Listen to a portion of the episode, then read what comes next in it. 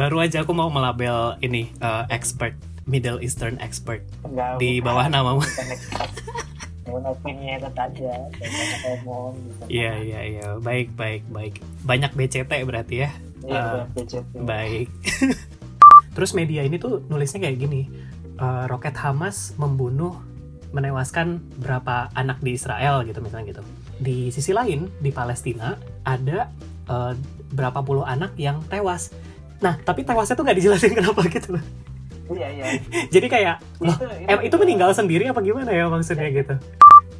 kalau kita memberitakannya itu sebagai satu isolated incident instead of merupakan bagian dari sejarah panjang okupasi Israel di Palestina jadinya kayak ya seolah-olah ya salah ini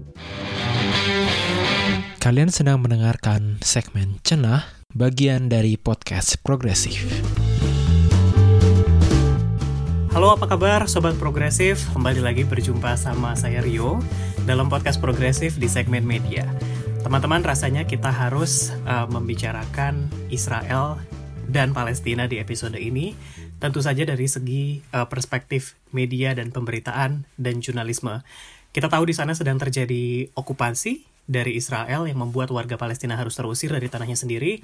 Dan uh, banyak banget berita kayaknya overwhelmed juga dari uh, dua minggu sampai tiga minggu terakhir ini dari media uh, internasional di Barat, dari media di Indonesia. Banyak banget dan kayaknya kita harus clarify many things termasuk uh, bagaimana sebetulnya media ini memberitakan Palestina dan bagaimana seharusnya media memberitakan ini. Karena itu telah hadir bersama saya di episode ini Aditya Wardana, welcome to podcast Progresif. Thank you udah uh, mau jadi tamu di podcast Progresif ini. Adit, Iya. boleh uh, cerita latar belakangmu sedikit sekarang lagi sibuk apa? oke sekarang baru baru resign sih sebenarnya jadi nganggur baru resign tapi sebelumnya kerja sebagai reporter meskipun bukan reporter hard news ya tapi reporter nevertheless Eh, terus udah itu aja sih. Kalau aku sih pengen menekankan di sini aku bukan expert ya cuman I'm just someone who is very opinionated. Itu aja. Oke. Baru aja aku mau melabel ini uh, expert uh, apa? Middle Eastern expert. Enggak, di bukan. bawah namamu.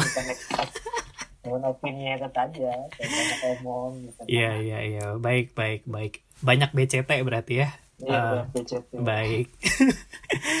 nah, eh, kenapa Adit ini aku ajakin ke sini karena em, kita bakal ngebahas ada tiga hal sebenarnya.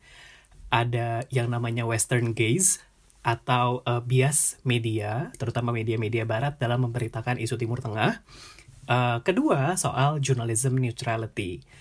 Dan ketiga bagaimana sebenarnya media di Indonesia memberitakan eh, Palestina dan apa bedanya dengan uh, konteks di barat.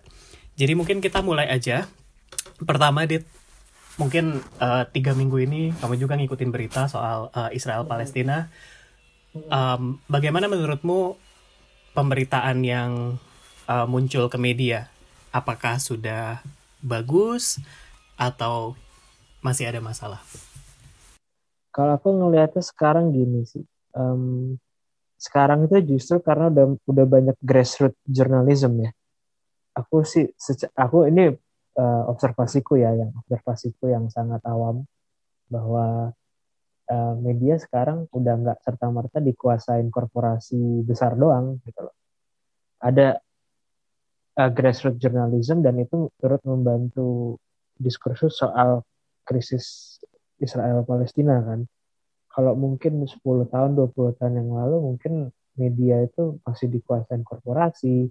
Kita jelas kayak corporate media itu dia bias. Meskipun aku tidak mengatakan sekarang tidak ada bias itu ya. Maksudnya kayak corporate media juga sekarang terutama yang barat itu eh, masih pemberitaannya masih eh, bias kepentingan imperialisme barat di mana kita tahu imperialisme barat sangat eh, mendukung keberadaan negara Israel kan. Jadi itu sih untuk eh, sekilas itu yang aku perhatikan. Hmm, hmm, hmm. itu kata yang eh, kuat banget loh lo menggunakan imperialisme barat gitu oh ya iya iya iya. Gimana sekalian aja gitu kan bener-bener tapi em, iya mungkin mungkin eh, kalau apa namanya eh, orang kan selama ini eh, bilang oh media barat eh, bias gitu kan.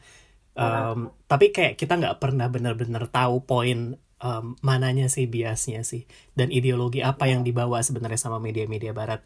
Nah ini Adit barusan menjelaskan nih imperialisme eh, barat yang sebenarnya diperpetuate sama si pemberitaan-pemberitaan itu. Boleh ngasih contoh nggak Adit? Eh, kira-kira kayak gimana sih eh, berita Ini- yang kayak gitu tuh Eh, nyebut medianya Eh, boleh atau atau sebut aja ya generik aja ya ya. Hmm. Hmm. Eh, Jadi kalau aku ngeliatnya ini, hmm, ada beberapa media yang afiliasinya jelas ke pemerintah US ya. Eh, jelas mereka pasti pemberitaannya bahwa ya Israel sebagai korban, terlepas kayak faktanya di lapangan seperti apa. gitu ya Israel ada beberapa poin-poin kunci yang ditekankan sih biasanya dalam pemberitaan eh, yang pro Israel ini. Pertama the right to exist gitu. Apa? Bahwa negara Israel memiliki hak untuk ada gitu kan. Terus bahwa negara Israel tuh hanya eh, mempertahankan dirinya gitu kan. Kedua bahwa kritik terhadap Israel dalam bentuk apa pun nggak cuma Israel kritik terhadap Israel maupun Zionisme dalam bentuk apa pun itu selalu diekvivalensikan dengan antisemitisme. Itu biasanya aku ngelihat secara umum itu gitu loh. Apa namanya ketika berita-berita di di media-media yang pro Western dan pro Israel itu biasanya mereka pasti akan menekankan di eh, hal-hal itu kan. Biasanya juga kayak ya memang gini maksudnya kayak aku tidak mengatakan apa yang mereka beritakan itu hoax atau apa ya tapi kayak parsial gitu kan katakanlah konflik yang di Al-Aqsa kemarin lah misalnya bahwa oh ya apa namanya para demonstran, para worshippers di Al-Aqsa ngelemparin batu polisi Israel. Itu benar, gitu, nggak salah. Tapi kayak kalau kita memberitakannya itu sebagai satu isolated incident instead of uh, suatu insiden yang merupakan bagian dari sejarah panjang okupasi Israel di Palestina, jadinya kayak ya seolah-olah ya salah ini kayak worshipper ini ngelawan apa namanya ngelawan polisi. Padahal kita tahu bahwa di bawah okupasi Israel Yerusalem itu kan yang harusnya jadi wilayah netral ya. Tapi ada tentara Israel di situ ngapain kan? Kita nggak melihat kita nggak diberitakan bahwa memang represi terhadap kebebasan berekspresi warga Palestina itu memang sudah berlangsung lama gitu. Dan represinya ini pakai force oleh polisi Israel. Dan itu nggak cuma kemarin doang. Nggak cuma kemarin doang di Al-Aqsa. Itu sudah berlangsung lama bahwa kita sudah ya kalau misalnya kita terakhir kemarin di US di Amerika kan sempat naik isu itu ya Black Lives Matter soal polisi brutality dan lain sebagainya. Nah polisi Israel tuh kayak gitu. Sama gitu loh. Lebih parah malah gitu kan. Daripada polisi di US kayak mereka merepresi kebebasan berekspresi, kebebasan berkumpul dan menyuarakan pendapat warga Palestina itu secara sangat efektif. Dan udah sering mereka tuh kayak menyerang warga Palestina yang mau melakukan demonstrasi. Jadi ketika uh, para demonstran itu bang lemparin batu, ya itu buntut dari uh, itu eskalasi dari represi yang sudah berlangsung lama gitu loh kayak gitu sih sebenarnya itu salah satu salah satu uh, bias uh, oleh media barat yang yang dilanggengkan gitu loh oleh media barat jadi kayak oh ya ini memang pengen menggambarkan bahwa seolah-olah perlawanan sipil warga Palestina itu gak sah gitu. Yang sah adalah uh, law and order imposed by uh, the Israeli government through their state apparatus gitu kan. Uh, tidak berimbang jadinya. Gitu kan. Nah, ini asimetri bahwa bahwa uh, ya ada beberapa orang yang bilang jangan dibilang konflik ini tuh penjajahan gitu kan. Seperti ya aku sih tidak sampai sejauh itu pengen menghilangkan penggunaan kata konflik di sini. Tapi ya perlu ditekankan memang konfliknya asimetris antara uh, Palestina sebagai sebuah bangsa dan Israel sebagai negara penjajah itu yang sering luput diberitakan dari media-media yang memihak terhadap kepentingan Barat dan Israel. Ini menarik karena uh, lo tadi nyebut uh, isolasi peristiwa ya. Jadi kayaknya tuh uh, kalau ada satu kejadian uh, warga Palestina nyerang apa polisi Israel, itu aja yang diberitain tapi dia kayak melupakan menghapus histori faktor-faktor yang menyebabkan itu. Iya betul. Uh, dekontekstualisasi gitu kan. Ahistorisasi. Oh, bahasanya udah kayak bahasanya udah kayak sejarawan ya.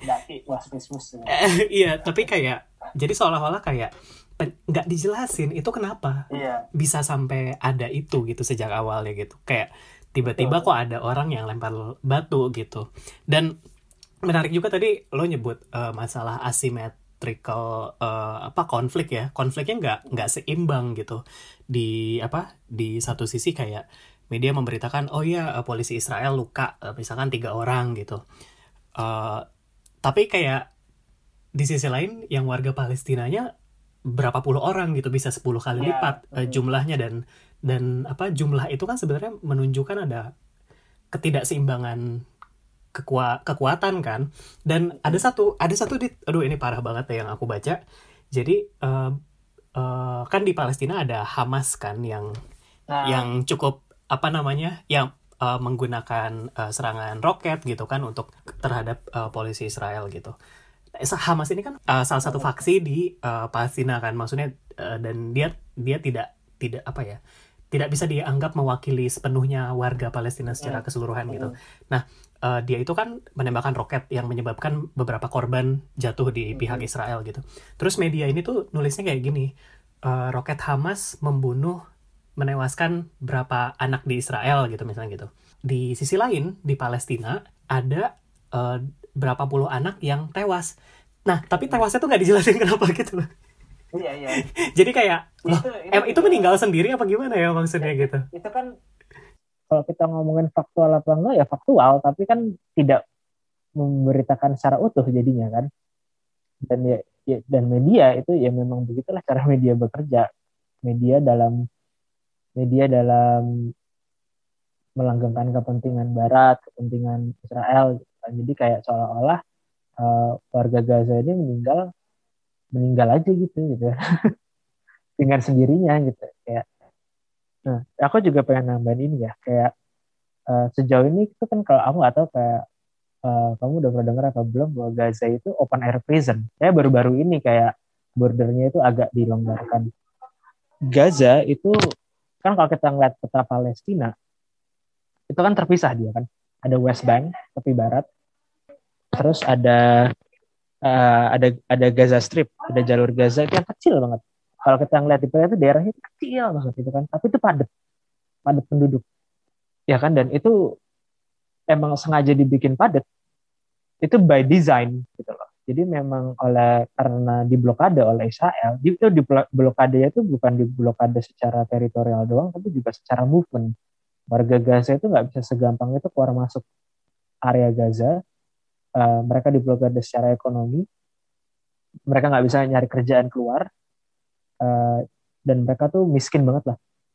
Kayak ya blokade ekonomi. What, what, what did you expect gitu kan? Hidup di bawah blokade ekonomi. Uh, freedom of movementnya juga dibatasin, freedom of economy juga dibatasin. Ya itu bener-bener the whole area itu slum area yang padat banget lah jadi ketika Israel menyerang Gaza gitu kan. Ya jelas banyak yang mati gitu loh. Kayak lo sengaja kayak in, kasarnya gini kayak Israel ini sengaja bikin sengaja mendesain suatu pemukiman padat penduduk terus begitu diserang jadi sekalian banyak yang mati gitu loh. Itu beda beda sama Israel punya Iron Dome gitu. Gaza itu satu-satunya jadi gini kita harus sadar Palestina tuh nggak punya militer nggak boleh punya militer dia jadi yang ngelawan itu ya milisi milisinya Hamas gitu kan. E, sekarang sekarang tuh yang ada ya yang masih ngelawan ya milisinya Hamas. Dan secara artileri pun nggak seimbang gitu. Israel punya Iron Dome, roketnya, and apa namanya uh, teknologi defensive defensive sistemnya advance, senjatanya juga advance. Ya gimana nggak advance dibantuin Amerika pak? Kemarin itu Biden baru gelontorin dana berapa juta dolar AS buat pertahanannya Israel kan. Sementara Gaza cuman punya Hamas gitu loh. Dan punya Hamas yang senjatanya uh, kayak literally cuman kembang api yang di enhance. Itu kembang api jadi kayak roket buatan gitu, roket homemade gitu. Jadi kayak kayak bukan suatu persenjataan yang advance tapi ya satu-satunya yang mereka punya gitu kan. Jadi kayak ketika kita ngomongin right to self defense gitu kan Israel itu udah bukan self defense lagi tapi bumi hangus kalau kita ngelihat asimetrikalnya itu kan itu yang kadang-kadang luput diberitakan hmm, hmm. Menarik banget jadi isolasi peristiwa dekontekstualisasi uh -huh. dan apa ketimpangan kekuatan itu dihorizontalisasi nah. nampaknya ya nah, kayak nah. disamaratain gitu kita kita bergeser ke poin yang kedua dit uh, soal uh -huh. neutrality ini kan kayaknya dalam oh, iya. apa ya ada banyak orang yang kayak membela kayak apa uh, media gitu. Ya enggak dong uh, media kan menceritakan apa adanya gitu. Dia cuma netral dia nggak bisa terlibat dalam konflik itu. Dia nggak bisa memihak gitu. Mm-hmm. lo sepakat nggak dengan konsep neutrality yang seperti ini? Yang diterjemahkan uh, seperti ini? Gimana ya? Kalau gue sendiri ini ini pun udah banyak dikritik gak cuma oleh gue ya banyak yang kritik ya dari Noam Chomsky banyak lah yang mengkritik neutrality media itu sebenarnya nggak mungkin gitu loh. Karena ketika media memihak untuk netral dia sedang memihak kepada narasi yang dibuat oleh uh, the ruling class. Iya kan, karena narasi ruling class itu kan narasi yang seolah-olah narasi yang netral. Ruling class itu siapa? Gitu kan? Ruling class itu kan pertama ya government satu government kedua corporate korporasi besar. Uh, dalam konteks global juga bisa kita bilang yang menciptakan ruling class secara global itu kan negara-negara adidaya ya terutama negara barat ya kan?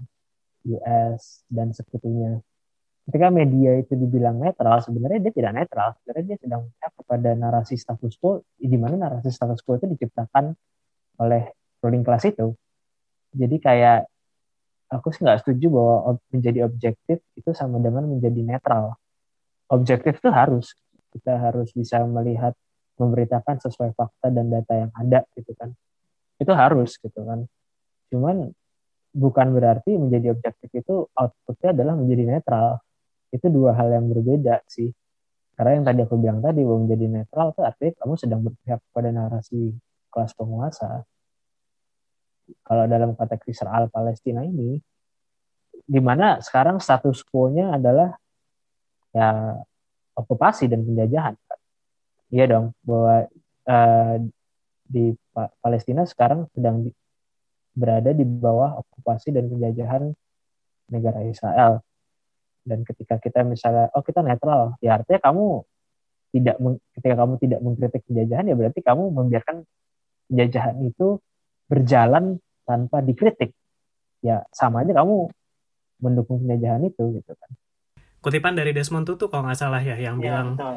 ya di situasi apa namanya uh, penindasan. Kita uh, ketika kita dihadapkan dalam situasi penindasan kalau kamu netral ya artinya kamu sedang memihak pada penindasan.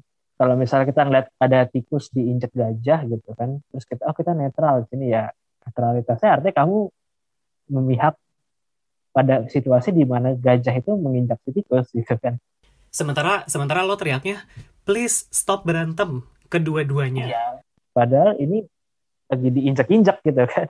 Um, perlu diklarifikasi ya. Jadi gue tadi sepakat banget sama lo bahwa nggak ada neutrality itu objectivity iya tapi kayak journalism neutrality kayaknya nggak bisa berlindung di balik itu deh untuk membiarkan apa namanya um, asimetri terus terjadi. ke poin terakhir nih, di, di Indonesia ini kan konteksnya beda banget. Jadi di situasi Palestina kan sebenarnya ma- masyarakat Palestina kan majemuk ya, ada yang Muslim, eh, Kristen, Yahudi juga di eh, sebagai masyarakat Palestina gitu. Tapi di Indonesia kesannya kayak cuma Muslimnya aja yang tertindas di sana dan karena itu Ya. Dipakai gitu narasi itu untuk di Indonesia tuh kayak ngesolidify kebencian gitu terhadap kelompok lain. Ya, Um, padahal di Indonesia masyarakat muslim itu si status quo-nya gitu. Nggak malah dibalik gitu. Menurut lo apa sih yang terjadi di Indonesia ini? Eh, emang Indonesia beda ya? Karena kalau secara karena pemerintah Indonesia sendiri kan se- secara officialnya kan membela Palestina kan secara sejarah kita juga punya Indonesia dan Palestina itu punya ties punya ikatan sejarah yang nggak bisa dinafikan Iya kan jadi kayak nggak mungkin tiba-tiba sekarang Indonesia beralih mendukung Israel tapi juga emang kemudian di Indonesia ini narasinya jadi seolah ini eh, konflik agama gitu loh. Oh bahwa umat Islam ditindas oleh Yahudi gitu. Padahal nggak seperti itu gitu kan. Ini bukan soal Islam melawan Yahudi.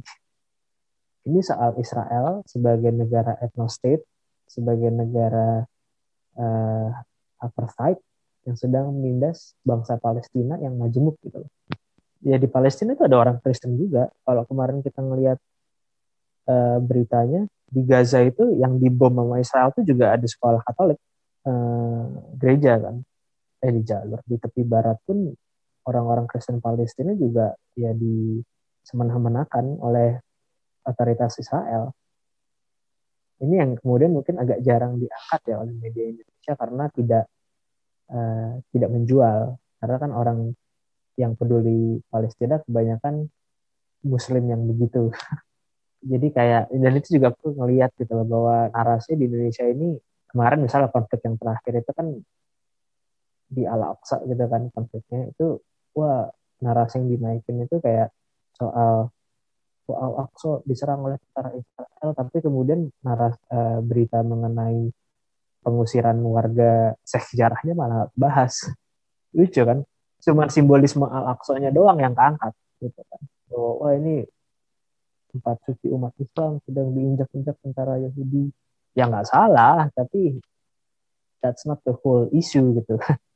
besarnya kan soal okupasi, soal pembangunan uh, pembangunan Israeli settlement di West Bank. Kemarin itu terjadi di sejarah kan apa namanya warga Palestina diterusurin dari pemukiman sejarah untuk untuk di, uh, untuk dikasihin ke Israel dikasihin ke Israeli settlers itu yang nggak nggak kebahas jadi karena cuma jadi simbolisme agama aja dan itu malah di sini jadi jadi bahan jadi bahan berantem agama konyol jadi uh, belum lama ini kan drone emprit Mas Ismail Fahmi itu merilis laporan bahwa di Twitter di sosmed itu ada ideologi Islam sayap kanan yang Oh iya. uh, diselipkan ketika ada orang yang membela Palestina. Jadi ada banyak orang yang membela Palestina, tapi orang Islam sayap kanan ini uh, ikut menyelipkan ideologinya gitu. Oh nah, iya. Menurutmu gimana caranya uh, supaya netizen pemirsa Indonesia ini ketika mengkonsumsi berita dia tetap jernih gitu pemikirannya, tetap fokus pada masalah sebenarnya di Palestina tanpa harus tertipu sama uh, apa namanya ideologi sayap kanan ini gitu. Jadi nggak bisa dipungkiri sih bahwa isu uh, Israel Palestina ini jadi makanan jadi makanan banget buat ideolog sayap kanan Islam ini kan. Karena kan sayap kanan apa Islam sayap kanan ini kan sangat identitarian banget kan itunya.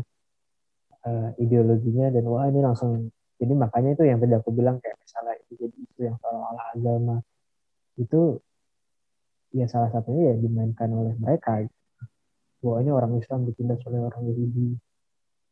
Ya bukan masalah itu. Jadi kayak menurut tuh gimana caranya biar netizen tidak termakan oleh uh, pemikiran yang seperti itu ya agak sulit juga sih karena netizen ini kan orang netizen ini kan manusia yang mereka punya eh, pengalaman hidup dan ya mungkin mereka di pengalaman hidup di luar internet pun sudah terpapar oleh ideologi kanan, ideologi Islam sayap kanan ini. Jadi kalau menurutku kita cuman perlu membuat narasi tandingan. Karena ya gimana lagi, maksudnya kayak ideolog sayap kanan di Indonesia ini udah udah lama bekerja, nggak cuman pas di isu uh, Israel Palestina ini. Sekarang kita makanya aku pun juga agak-agak kadang-kadang keder gitu kan untuk bersuara soal Palestina karena seolah-olah kok gue kalau bersuara soal Palestina gue jadi saya kelompok sama mereka. Hmm. sorry nih ya, sorry, sorry beda berangkatnya nih, sorry. Hanya karena di isu ini kita bersinggungan, bukan berarti gue punya agenda yang sama dengan mereka. Kalau menurutku sih ya memang makanya kini orang-orang mendukung Palestina bukan karena uh, sentimen identitarian Islam itu perlu bikin narasi tandingan di internet gitu kan entah di internet entah di mana lah gitu. lah pokoknya narasi tandingan ya untuk uh, mengcounterbalance narasi soal bahwa di Palestina ini konflik agama gitu. dan maksudnya kata tandingannya bukan sekarang mereka pun sudah di ada narasi tandingan mereka juga tapi narasi tandingannya pro Israel Iya kan, jadinya begitu. uh, kayak rumit gitu. Uh, Justru ini yang yang mau kita hindari ya karena ini yang mau kita hindari. Itu sayap kanan kita, juga Israel itu. Mohon karena maaf. Israel itu juga sayap kanan. Cuman identitarian identitariannya identitarian uh, supremasi Yahudi gitu kan. Zionisme itu. Dan itu yang jadi kayak wah ini kok nggak jadi sayap kanan lawan sayap kanan gitu fasis lawan fasis ini lucu gitu kan jadi kayak jadi ya udah kayak menurutku ya kita ini orang-orang yang kiranya mendukung Palestina bukan karena identitas Islam. Bikin narasi tandingan aja. Dan kedua ya kita based on apa ya? Based on facts. Based on historical facts soal apa yang terjadi di Palestina. Karena memang sebenarnya perjuangan Palestina itu kan dari awal bukan perjuangan agama, perjuangan ini perjuangan melawan kolonialisme. Hamas memang sayap kanan gitu dan memang di sini banyak yang banyak yang mendukung agenda Hamas kan. Bukan cuma mendukung Hamas dalam uh, melawan Israel tapi juga mendukung agenda Hamas. Itu dua hal yang berbeda gitu kan. Uh, agenda Hamas kan agendanya sangat kanan banget. Dan di Indonesia banyak yang seperti itu. Sementara di Palestina sendiri ya memang Hamas semenjak tahun 2000-an, 2006 apa ya? 2007. Ya udah mendominasi uh, parlemen Palestina kan. Tapi ya tetap aja kalau kita ya baru itu kan baru sekarang-sekarang ini. Tapi kan kita nggak tahu ke depannya bakal seperti apa. Kita misal kita bahas PLO misalnya yang ya itu itu kan dia yang paling getol melawan Israel dan PLO ini ya sekuler yang kiri juga dan sekular jelas sekuler dan itu memang mereka nggak selalu uh, akur sama Hamas kan. Dan itu yang perlu perlu di istilahnya apa ya perlu dinaikin lah narasinya. Karena aku ngeliatnya di Indonesia sendiri uh, jarang yang ngebahas itu ya. Pluralitas uh, pluralitas politik di Palestina sendiri dan pluralitas agamanya juga. Wow, gila. Tujuannya adalah mengklarifikasi sebetulnya, uh, mencernihkan.